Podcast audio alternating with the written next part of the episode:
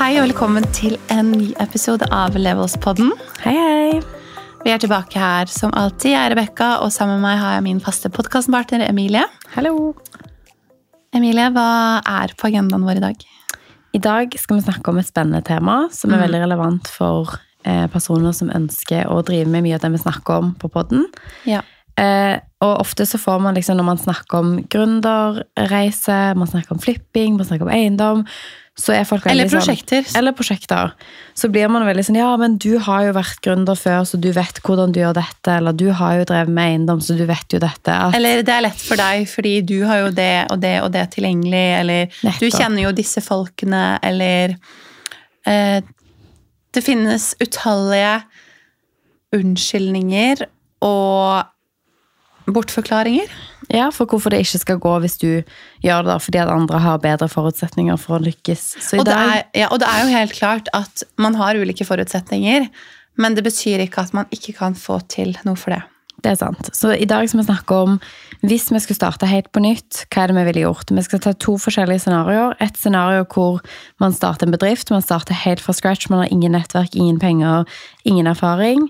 Og i alternativ nummer to, du starter med flipping fra scratch, ingen erfaring. Mm. Så med det sagt, Rebekka, hvis du skulle starte helt på nytt Mm. Du hadde ingen nettverk, du hadde ikke drevet bedrift før, du hadde ikke jobbet med regnskapsfører før, du hadde ikke sendt inn søknad for å ha et selskap, du hadde ikke registrert noe i Brønnøysundregisteret. alt var nytt. Alt var nytt. Hva hadde du gjort? Vi har jo snakka litt om det man skal gjøre før, når man, eh, før man, eller når man blir gründer, og hvordan man kan bli det. Eh, Og litt tilbake til det igjen, eh, så tror jeg det handler om at man som person må kartlegge litt seg selv. Og det tenker jeg at her, her spiller det ikke noen rolle hvordan forutsetninger du har. Det går rett og slett på deg som person, da. Um, si at vi tar et fiktivt scenario. At uh, jeg putter meg selv i den situasjonen, og jeg har, har et ønske om å gjøre noe. Jeg har lyst på endring. Jeg har ingenting. Eh, hva kan jeg gjøre? Hvor kan jeg starte? Men jeg vet at jeg, at jeg vil gjøre noe. Jeg tror Den aller første grunnleggende ting for å få til noe, er motivasjon. Du må ha en eller annen eh, faktor som motiverer deg. Enten om det er å skape det livet du vil, det kan være penger. Som vi vet, så er ikke jeg fan av at penger skal være den ene drik, eneste drivkraften, men jeg tror det er en stor faktor for mange. Spesielt Absolutt. hvis man kommer fra, fra ingenting.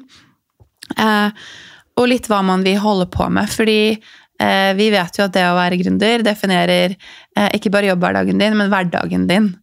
Eh, du må eh, i stor grad, i veldig mange tilfeller, legge sjela di for å få det til. Og da, da tenker jeg at man må se litt på seg selv. Hva er det man er god på, og hva liker man å gjøre? Og hvis jeg skal lage en eh, imaginær person nå, så har vi et scenario hvor jeg er veldig opptatt av mat, matlaging, og jeg er veldig god på det. Elsker å lage mat. Det er jo faktisk tilfellet i, i virkeligheten nå. Jeg er veldig glad i å lage mat. Um, men jeg tenker at det er et veldig godt utgangspunkt. Fordi hvis du finner noe du er god til og glad i å gjøre, så holder du nok ut med det lenger. Det betyr ikke at det er veldig gøy å lage mat hver eneste dag, men har man en interesse for noe, så har man også en del kunnskap om noe. Man, man skjønner litt hvordan ting fungerer. Ja, Man Så- kanskje har allerede et nettverk, fordi hvis du er veldig glad i mat, så går du kanskje mye på restauranter, du gjerne kjenner folk som jobber på restauranter, kjenner Eller du kopper, lager mye mat lager hjemme. mat. Eh, I dette tilfellet her så er jeg veldig opptatt av ernæring og det å spise sunt.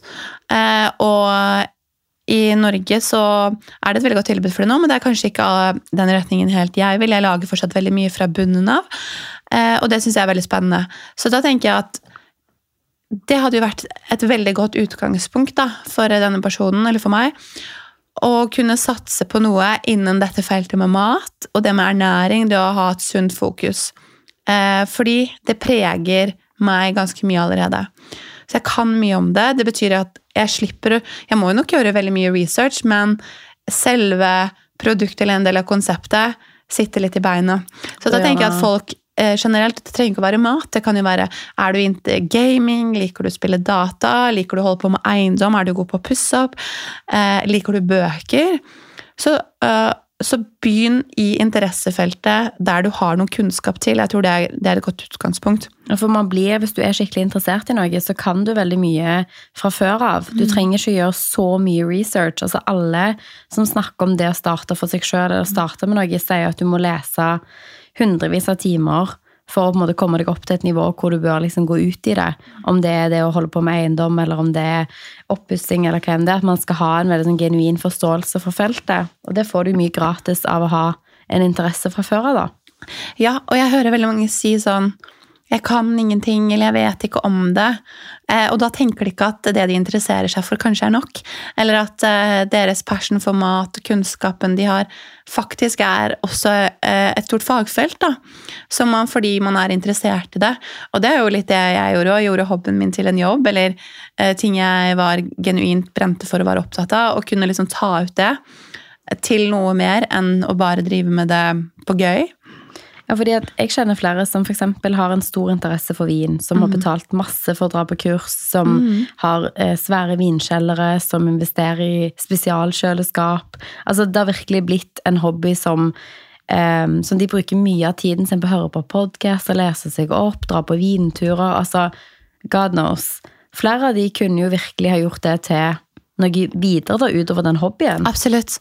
Det tenker jeg jo. Um, og så er det jo greit. Kanskje noen bare vil ha det som en hobby, men tenk på at det du brenner for og liker, kan bli noe mer. Så hvis vi går tilbake til uh, situasjonen hvor ok, vi har kartlagt at det her er det jeg skal gå videre innenfor mat. Mm. Uh, og så må man jo kanskje se litt på ok, hvor befinner jeg meg. Er jeg i en storby som Oslo, Bergen, Trondheim eller utlandet? Eller er jeg en del av et mindre miljø på, fra bygda, fra landet? Uh, og hva er det mulig, mulig å gjøre? Og veldig mange vil kanskje tenke sånn Ok, skal jeg starte kafé? Skal jeg en, eh, lage en restaurant? Eh, er det noe jeg kan tilby her? Fordi eh, Norge er jo et marked som er veldig i utvikling. mat er et produkt som vi hele tiden etterspør. sånn at Hvis man skal begynne å jobbe i den sektoren, så man trenger alltid mat. Mennesker trenger mat for å, for å leve. men igjen, det er et veldig stort sånn konkurranse Altså sånn, det er et marked med stor konkurranse. Ja. Eh, fordi det finnes så mange aktører allerede. Mm. Så ja, du vet at du har et marked hvor du kan gå inn, men du vet at også det er stor konkurranse der. Og hvis man ser litt på bygd kontra by, da, altså på, på bygda Jeg vokste opp i, i Larvik. Eh, der har det vært veldig manko på kafeer og restauranter. Det har kommet en del nå. Eh, men det er også fordi at folk har ikke brukt det nok til at det kunne gått rundt. Ja, For de henger jo litt i sammen. Det er mangel på folk. Kanskje like yes. stort etterspørsel for det Så tilbudet. Så tilbudet da tidligere har ikke vært har ikke funnet, Man har ikke funnet sunn, næringsrikt mat. Det har vært liksom McDonald's, så har det vært selvfølgelig noen bakerier og sånn, men kanskje ikke akkurat det innenfor mitt interessefelt. Så en naturlig tanke for en som meg, som var interessert, var jo det at ok, vi starter kafé eller restaurant. Det her har jeg faktisk tenkt på, så det er faktisk ikke så langt fra eh, sannheten. Men eh, da må man tenke på hva er det det krever å faktisk ha en kafé, restaurant, for å kunne tilby en, en sånn tjeneste i Larvik. da. Og da er det jo leiekostnader. Eh, du må ha et sted hvor du kan lage mat. Eh, så må du kanskje lage det i samme stilen som eh, brandet ditt. Det skal kanskje ha en viss look. Men hvis vi stopper med en gang, da, for nå med liksom, yes. introduksjonen her var jo yes. Vi har ingen penger med ingen erfaring. Så exactly. her har du jo én vei. Her har du én vei, og den hvis du, har, hvis du ikke har noen forutsetninger, så er på en måte den ideen litt død allerede. Fordi du du trenger penger for å få til disse tingene, så det vil kanskje være for stor risiko for å få det til. Men jeg tror det er veldig naturlig at man tenker at ok, det kunne vært en option, men så kommer man litt langt på vei i prosessen, og så ser man at ok, shit, det er, det er ikke mulig per i dag. da. Men sånn, Tradisjonelt så er jo det veldig sånn vanlig vei å gå. Men jeg synes sånn, jeg leste noen, om noen i avisen for et par år siden som gjennom korona hadde starta en business hjemme. Yes. Som hadde liksom begynt å lage om det var boller eller hva det var. Skillingsboller. Hadde tatt helt av. Yes. Der har du en måte å si ok, jeg er interessert i mat, jeg ja. ønsker å bygge en business. Jeg har ikke pengene til å ha et kjøkken, til å ha et lokasjon, til å gjøre branding men jeg kan gjøre dette. Yes, og eh, den casen du refererer til, er veldig kul. Vi har lest også den. Og det var rett og slett ei jente som var ekstremt god på å bake Jeg husker ikke om det var skolebrød eller uh, skillingsboller. Uh, et produkt. Supergod. Begynte å markedsføre det hardt på Instagram. Og ta bilder av det. Og det er jo en ting som på en måte er mye mer lavterskel. Og hvis du som henne eh, er glad i å lage dette, baker dette ofte, eller i, i noen andres tilfeller tar, lager mye mat, eh, lager sunn og næringsrik mat, begynner å formidle det, bruke plattformer sånn som du sier nå, Instagram og sosiale medier, så kan du bygge opp et brand og skape deg litt markedsføring, og kanskje prøve på en måte eh, bygge businessen din litt ut av, ut av det. Og da kan du også teste markedet litt, få litt feedback. Det krever jo også veldig mye jobb. Og vi vet at sosiale medier i disse dager eh, tar tid for å ta av. Det er ikke sånn at eh, du starter noe i dag, og så har du en eh, suksessfull business i morgen eller om et år. Det kan ta tid, og så kan du være heldig. Eh, men veldig veldig godt poeng, for da kan du starte, du kan begynne et sted, og du kan få litt feedback. Ja, for det, har jo blitt en veldig sånn skift i markedsføringstrender rundt det å lansere produkt. Yes. Før var det jo sånn at eh, du, altså, du lanserte en bedrift, og da hadde du kanskje så at det var sminke, da, Ja. så hadde du kanskje ti produkter som du gikk ut med. Og det krevde jo em, research og utvikling av produktene, Ja. markedsføring, packaging, alle disse tingene for ti forskjellige produkt. Mm. Mens nå er det blitt veldig vanlig å lansere med ett produkt. Mm. Og det kan man jo si overført betydning. Ja, hun valgte skolebrød eller skoleboller og det, eller skillingsboller, og det er jo kanskje ikke at hun har tenkt nødvendigvis på det, men det å velge én ting som du er skikkelig god på, Mm. teste markedet, se om man får konvertert noen av den interessen til salg, og så kan man eventuelt utvide til andre ting når du har bygd tillit gjennom ett produkt. Ja, og jeg tenker jo at, uh, at det er en veldig fin måte å på en måte Hvis man starter uten noen ting, så har man ikke Uh, man har ikke ressurser til å kunne bygge restaurant, da, hvis det er drømmen din på sikt. Men du kan bygge med det lille du har, eller få til noe med det du har. I disse dager så har vel de aller fleste en eller annen form for smarttelefon. Om ikke man har det selv, så er det noen som man kjenner som har det, som gjør at man kan få tilgang til disse eh, til sosiale medier. Et annet godt eksempel eh, som jeg kan fortelle om, er noen vi har jobba sammen med. Eh, veldig veldig dyktige gutter som startet med, med, med treningsklær. Å selge treningsklær. Og ta bilder og video av det. Og mye av markedsføringen deres. Nå kjenner jeg ikke hele historien sånn til detalj, men var jo selvfølgelig da å, selge på sosiale medier og, og på en måte til deres nettverk. Og de var så superflinke på det, og de tok bilder og video av alt de gjorde selv. Og så fikk de spørsmål om de kunne begynne å ta bilder og video av andre ting. Og nå har de blitt et produksjonsselskap. Så det begynte et sted, og så ble det til noe annet. Og det er jo litt sånn som du sier òg, ok, begynne med skillingsboller. Kanskje du leverer pizza. Altså, du kan begynne et sted, og så får du litt respons for det, men det leder til noe, noe annet. Og så begynner man litt sånn små, og så kan man se litt hvordan det tar av, hvilken retning det går. Og det er jo også sånn med business at du begynner et sted, og så, og så havner du et annet sted. Da. Det kan være at du ender samme sted, men du kan utvide med mer ting. Altså, flere produkter er jo økte kostnader, sånn at for skillingsbolleselskapet så er det jo lurere å spesialisere seg på én ting og bli best på det. Og når man da er sånn å ja, det er den beste skillingsbolen i Oslo, da kan du begynne å utvide ting. Da kan du begynne å lage brød. Du kan, altså, da kan man på en måte bygge på ting, om det er det samme med at du har lansert et marked som kun selger T-skjorter, og så kan man utvide med flere ting over tid. Et annen, en annen ting jeg vil tenke på, er jo det at ok, det her er jo kanskje rettet mot de som vil drive med produkt, eller bygge noe eh, Ja, lansere et produkt, selge noe. Eh, men så har vi jo disse som kanskje har en egenskap. Derfor jeg tror vi må være enige om at eh, for å være gründer eller få til noe, så må du på en måte selge et produkt eller en tjeneste. Du må tilby en annen form for service. Eh, og det kan jo hende at det er veldig mange som har egenskaper, er gode på grafisk design, er gode på coaching, er rådgiver, et eller annet, driver med regnskap. En, en annen ting er jo å starte en konsulenttjeneste, eller så kan vi bruke vårt eksempel. Eh, vi skulle begynne med podkast. Det hadde vært oppe som oss diskusjon hos oss en stund. Vi hadde diskutert litt frem og tilbake. Ikke land- så lenge heller. Det Nei, det gikk fort. veldig fort. Men vi var bare sånn eh, Ok, shit, vi har en supergod idé, syns vi. vi ville formidle noe, eh, og vi hadde null kjennskap til podkaster, annet enn at vi har hørt på podkaster selv. Visste ikke hvordan businessen funka, visste ikke hvordan man skulle gå fram.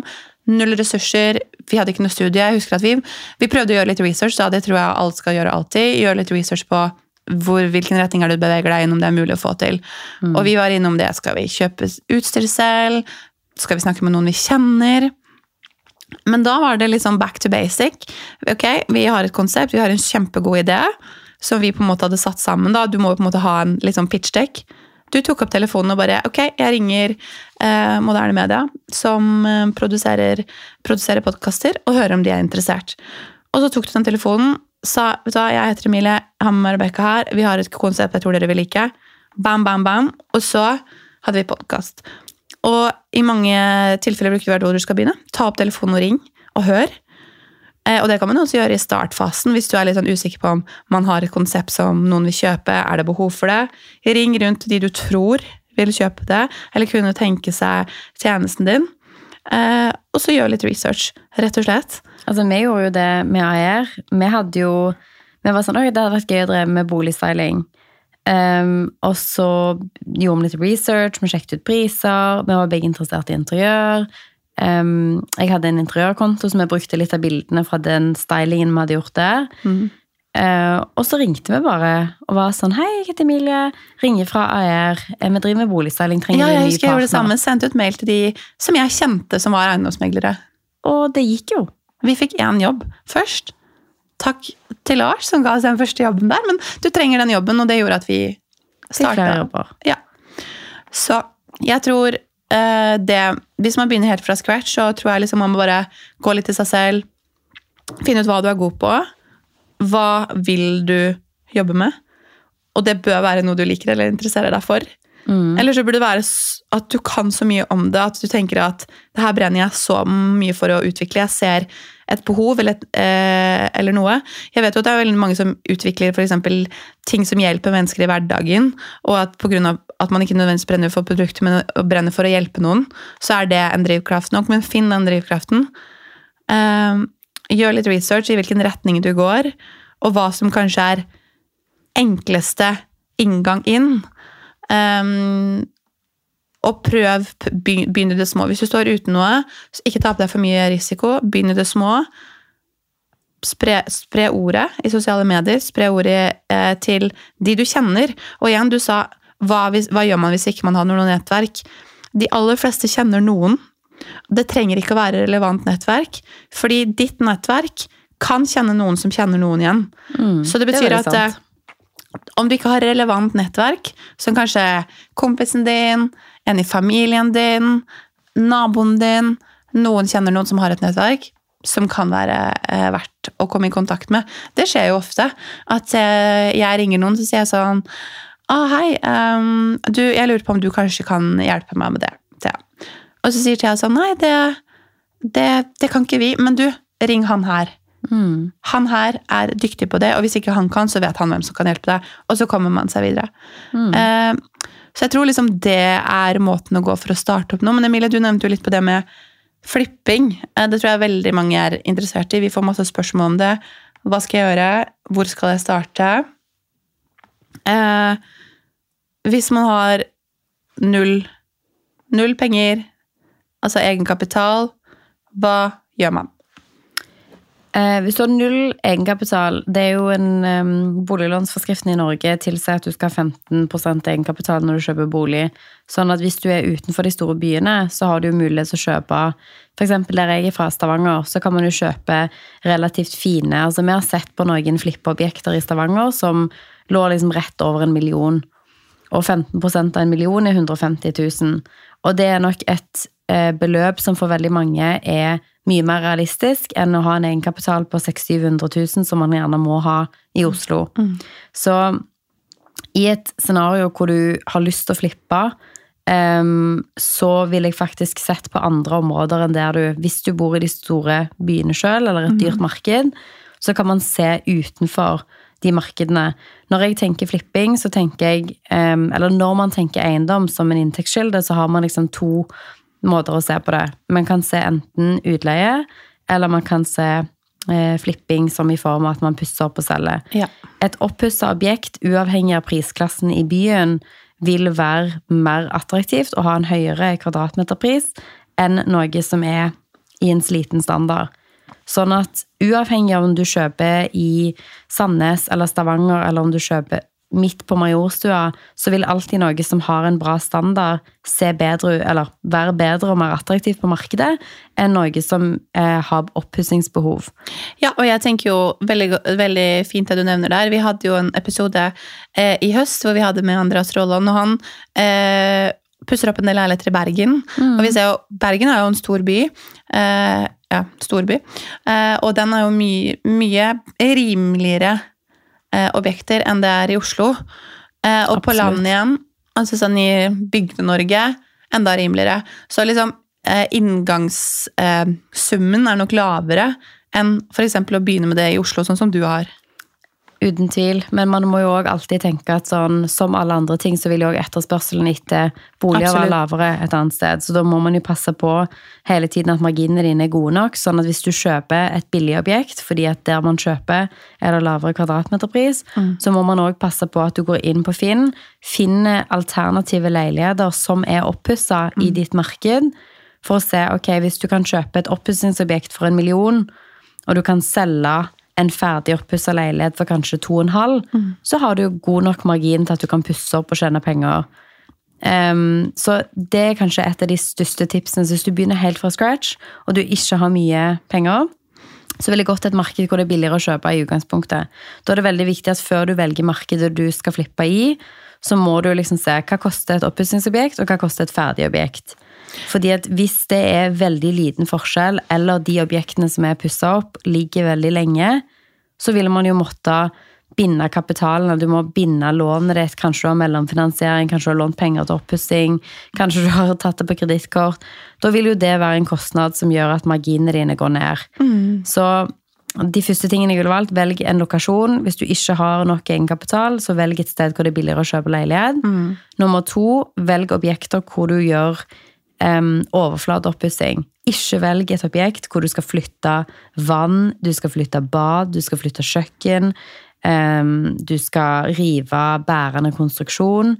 Alle de tingene er sånn obs faresignal hvis du ikke har gjort det før. Det er ting som kan gjøre det veldig dyrt, Ja. kan gjøre prosessen lengre, som da gjør det dyrere, og som kan kreve mye etterarbeid. River du en bærevegg, så må du bygge ve- Altså, du må gjerne sparkle, du må male, du må ordne veldig mye ting etterpå. Så arbeid i seg sjøl er dyrt, og etterarbeid er dyrt. Ja. Så velg leiligheter som em, er enkle og overflateoppussa. Det vil si, du ønsker å beholde kjøkkenet samme sted, eller du f.eks. har et bad på andre siden, det vil si at det er vann i den veggen hvor du ønsker å flytte kjøkkenet til. Det er en enkel måte å f.eks. øke til et soverom ekstra. Se etter sånne type planløsninger, og prøv å tenke liksom, bytt gulv, bytt kjøkken eller kjøkkenfronter, og mal overflater. Da kan du gjøre veldig mye. Da kan du få en stor økning. Så er det sånn at hvis du begynner, sånn som når jeg begynte, så må du begynne med det som er mindre, og så må du jobbe deg opp. Og jo mer kapital du har, jo større objekter kan du kjøpe og selge. Eller jo flere samtidig, hvis det er det som er ønskelig. Det jeg ofte får spørsmål av, det ser vi jo mye på DM-ene våre på både Leverspodden, men også på min Instagram, at det er folk som er nysgjerrige på flipping, men som ikke vet helt hvor de skal starte. På søndag denne uken her så var Håvard og meg på visning. Vi var på to Ja. som vi så på som attraktive flippeobjekter.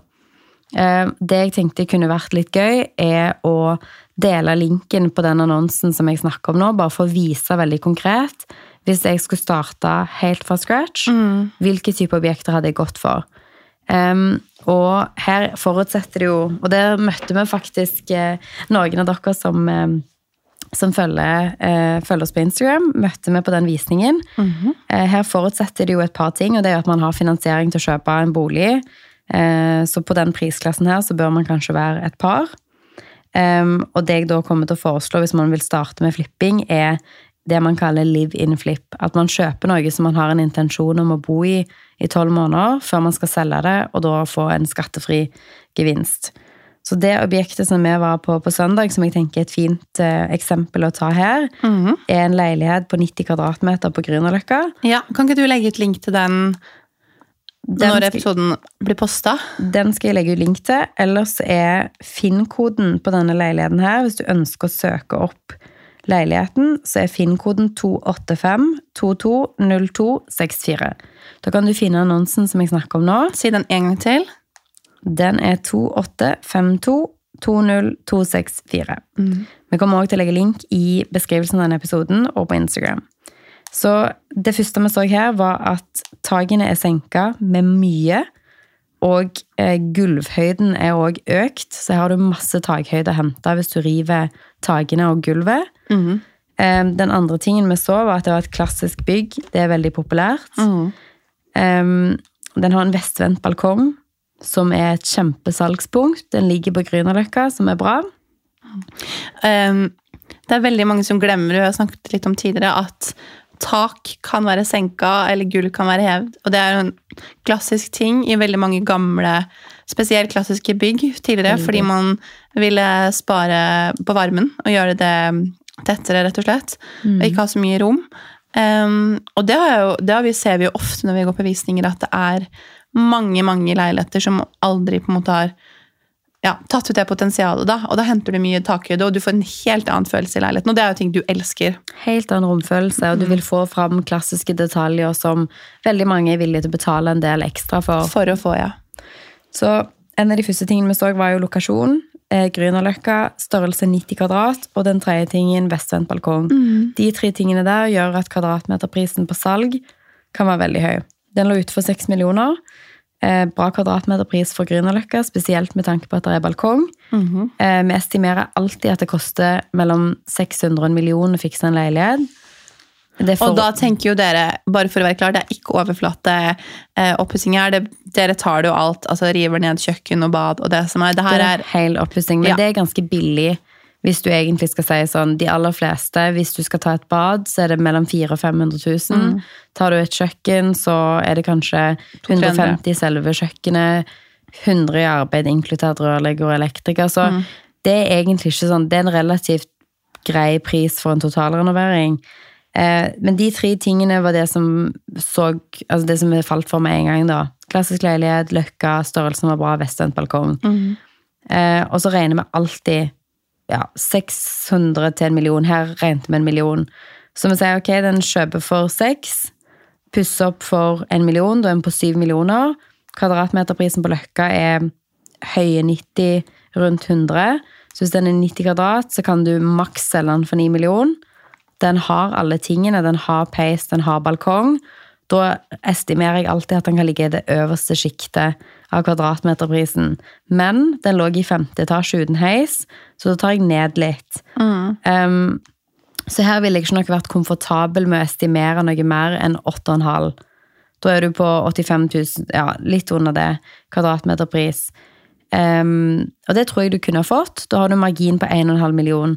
Hvis et par hadde kjøpt den leiligheten og gjort den oppussingen, bodd i et år, så kunne de solgt med skattefri gevinst etter tolv måneder, og da tatt ut 1,5 million. Så hvis de starta med finansiering til å kjøpe sammen, og f.eks. For foreldre som kursjonist og ingen egenkapital, så ville de da hatt 1,5 million i egenkapital etter det ene året. Nå er jo det her et eksempel på den leiligheten som du ehm, viser oss som koster 6 millioner. Og man trenger jo ikke begynne på 6 millioner for et flippeobjekt. Eh, det her er et veldig godt eksempel på sånne leiligheter Emilie ser etter og sånn, men man kan jo også finne noen som er litt mindre.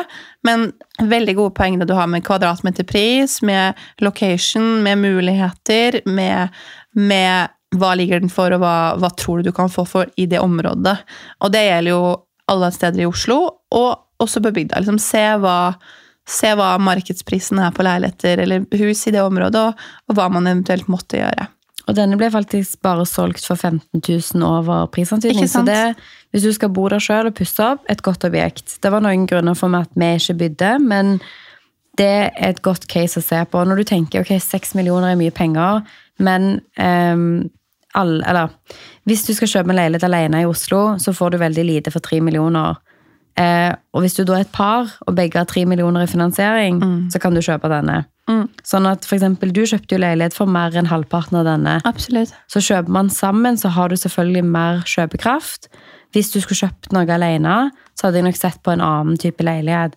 Da tar det lengre tid. Da ser du ikke på marginer på 1,5. Da må du bygge deg opp. Da må du se på noen som kanskje har 200 i margin. Jeg ville sterkt um, anbefaler dere å ikke se på leiligheter som har mindre enn 200-300 i margin. Fordi når du gjør det første gang, så kan det være veldig mange uforutsette kostnader. Mm. Plutselig så koster elektrikeren 30 mer, så koster rørleggeren 30 mer, så koster gulvet 20 mer. Og hvis du da har margin på 150, så har plutselig den røket. Mm.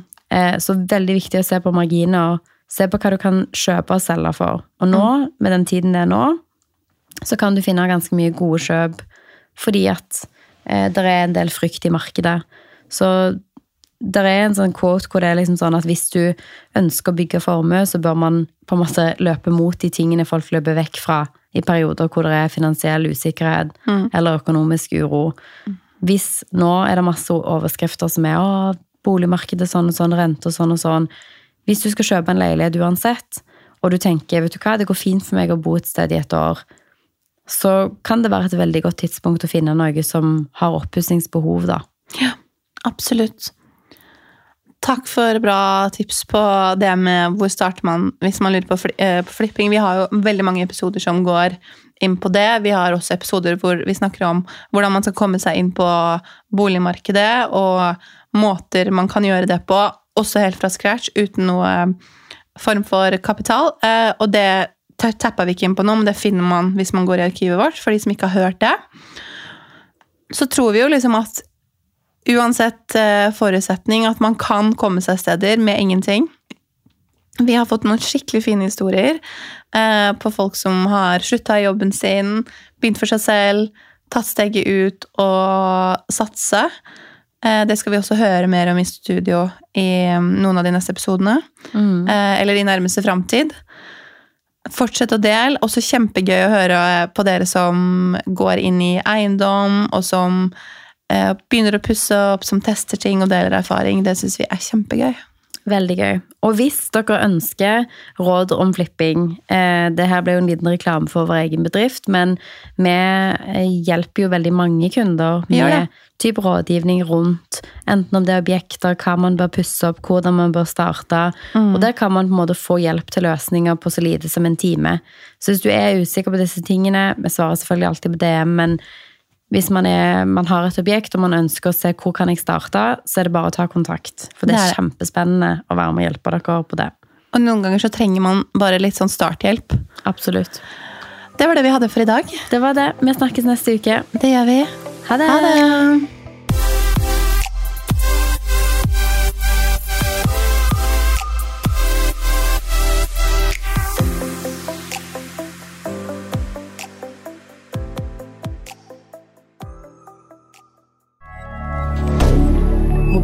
milliardaire